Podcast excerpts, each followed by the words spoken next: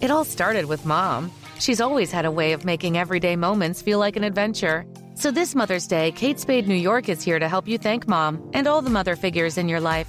From our newest arrivals, like springy dragonfly adorned handbags and jewelry, to gifts under $100, to the best sellers on mom's most wanted list, there's something for everyone.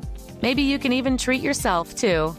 Shop the Mother's Day gift guide at katespade.com.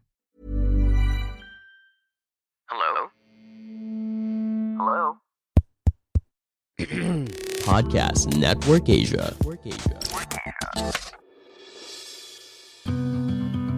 Hai, sekarang Stoikes ID sudah didukung oleh Podcast Network Asia.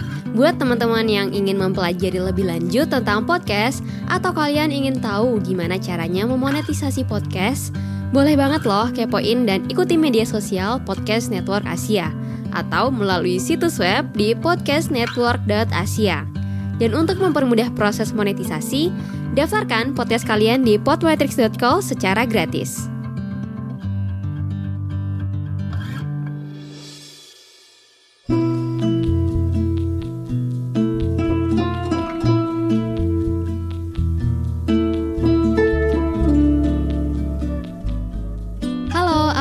Teman-teman? Berjumpa lagi dengan saya, Sita Putri, di episode terbaru Stoikas ID.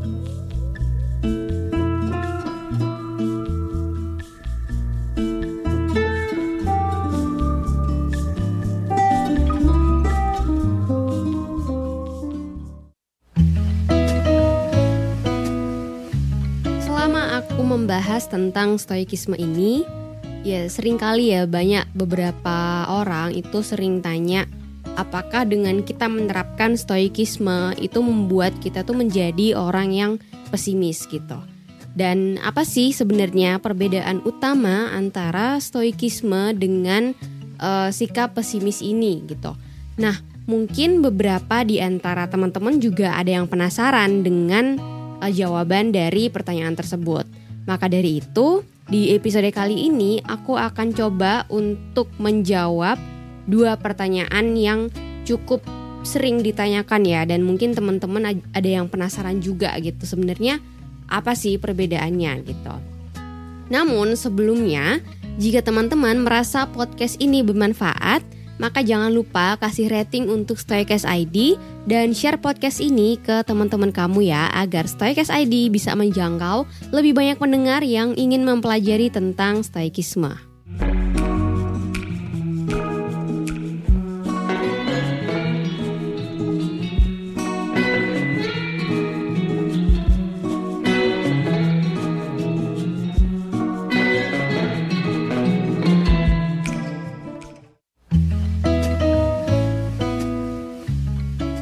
Itu pesimis? Atau misalnya teman-teman mungkin ada yang pernah denger ya eh, dua kata antara pesimis dan juga optimis gitu. Nah kalau secara singkat pesimis itu adalah memperkirakan hasil negatif gitu dari usaha yang mungkin kita lakukan. Tapi kalau misalnya dari kamus besar bahasa Indonesia sendiri, pesimis itu adalah orang yang bersikap atau berpandangan tidak mempunyai harapan atau orang yang mudah putus harapan. Misalnya, orang pesimis yang sedang mengerjakan suatu proyek atau suatu pekerjaan gitu ya. Mereka itu akan menyelesaikan pekerjaan tersebut dengan seadanya karena mereka menganggap bahwa pekerjaan itu ya bakal gagal gitu, bakal ditolak atau bahkan mereka merasa kayak ya udah eh, apa nggak usah yang istimewa lah gitu soalnya nanti juga bakal nggak berhasil gitu kan. Contoh lain juga misalnya seorang mahasiswa itu pesimis ketika dia akan mengerjakan ujian gitu. Jadi dia ngerjain ujiannya itu ya udah pasrah aja gitu. Mungkin karena dia menganggap usahanya itu percuma karena eh, mungkin dia juga bakal ngulang mata kuliahnya di semester depan gitu. Jadi dia merasa kayak ya udah tau buat apa aku mengerjakan ujian semesterku ini dengan yang sebaik mungkin toh juga nanti mungkin nilainya bakal dapat misalnya nggak nggak apa ya nggak maksimal mungkin karena dia merasa atau dia tahu dosennya itu bakal ngasih nilai itu tuh segini gitu nah jadi orang-orang pesimis itu ciri-cirinya itu mereka tuh juga sering merasa menjadi korban dari suatu keadaan kemudian menetapkan harapan yang rendah untuk diri mereka sendiri, dan membayangkan berbagai hasil buruk dari hal-hal yang mereka lakukan. Dalam stoikisme sendiri, itu ada salah satu prinsip yaitu premeditatio malorum dan prinsip ini tuh digunakan untuk mengantisipasi kejadian buruk atau negatif yang kemungkinan besar akan kita alami dalam hidup. Jadi, kita akan mengidentifikasi hal-hal negatif apa yang akan terjadi dalam satu hari. Yakni kita akan e, membayangkan gitu ya atau kita seperti mengantisipasi kira-kira dari pagi dari bangun tidur itu hal apa aja yang kemungkinan besar akan terjadi baik itu hal-hal yang negatif maupun hal-hal yang positif gitu.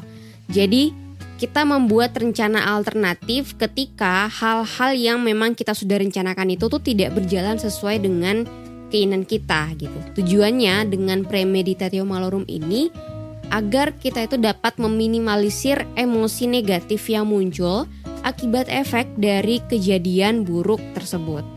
Nah, teman-teman bisa mendengarkan penjelasan tentang premeditatio malorum ini di episode 4 Stoikes Idea. Di situ aku udah menjelaskan cukup detail terkait uh, premeditatio malorum ini. Tapi kalau misalnya teman-teman mau mencari penjelasan atau perbandingan antara premeditatio malorum dengan topik-topik lain gitu seperti kayak kita tuh apakah mendikte semesta. Nah, itu ada juga di episode sebelumnya. Nanti teman-teman bisa cek aja gitu ya di list episode podcast Stoikes ID ini di Spotify. Kemudian dari penjelasan antara sikap pesimis dan prinsip premeditatio malorum tadi, maka berdasarkan pengalamanku dalam menerapkan stoikisme selama ini tuh perbedaan ya, perbedaan utama antara stoik dan sikap pesimis itu sebenarnya terletak pada tujuan dan hasil akhir apa yang kita harapkan gitu.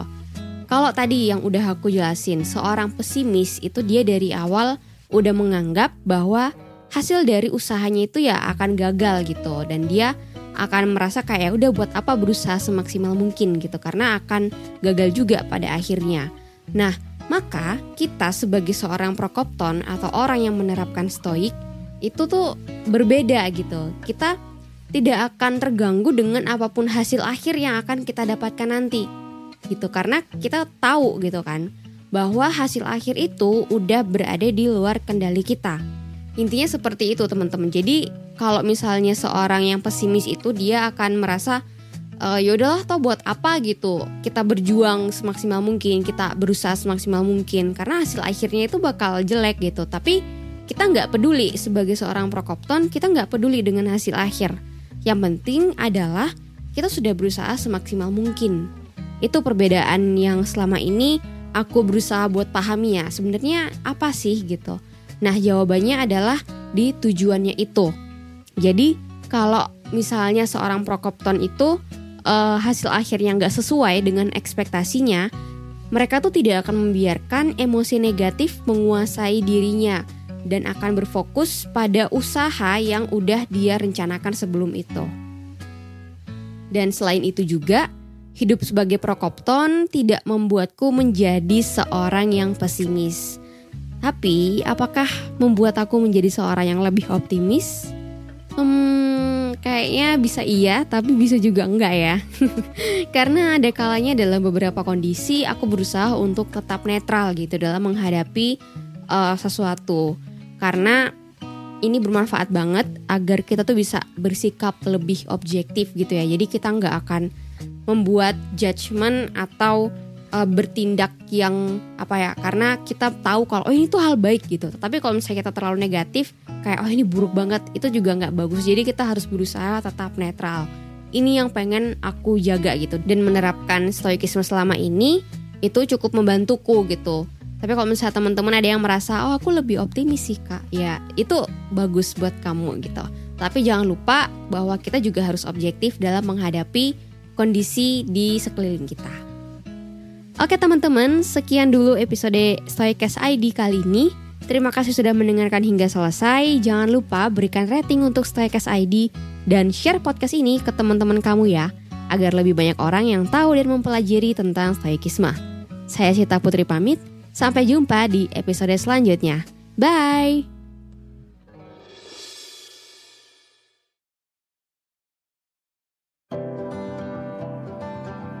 Pandangan dan opini yang disampaikan oleh kreator podcast, host, dan tamu tidak mencerminkan kebijakan resmi dan bagian dari podcast Network Asia. Setiap konten yang disampaikan mereka di dalam podcast adalah opini mereka sendiri dan tidak bermaksud untuk merugikan agama, grup etnik, perkumpulan, organisasi, perusahaan, perorangan, atau siapa pun dan apa pun.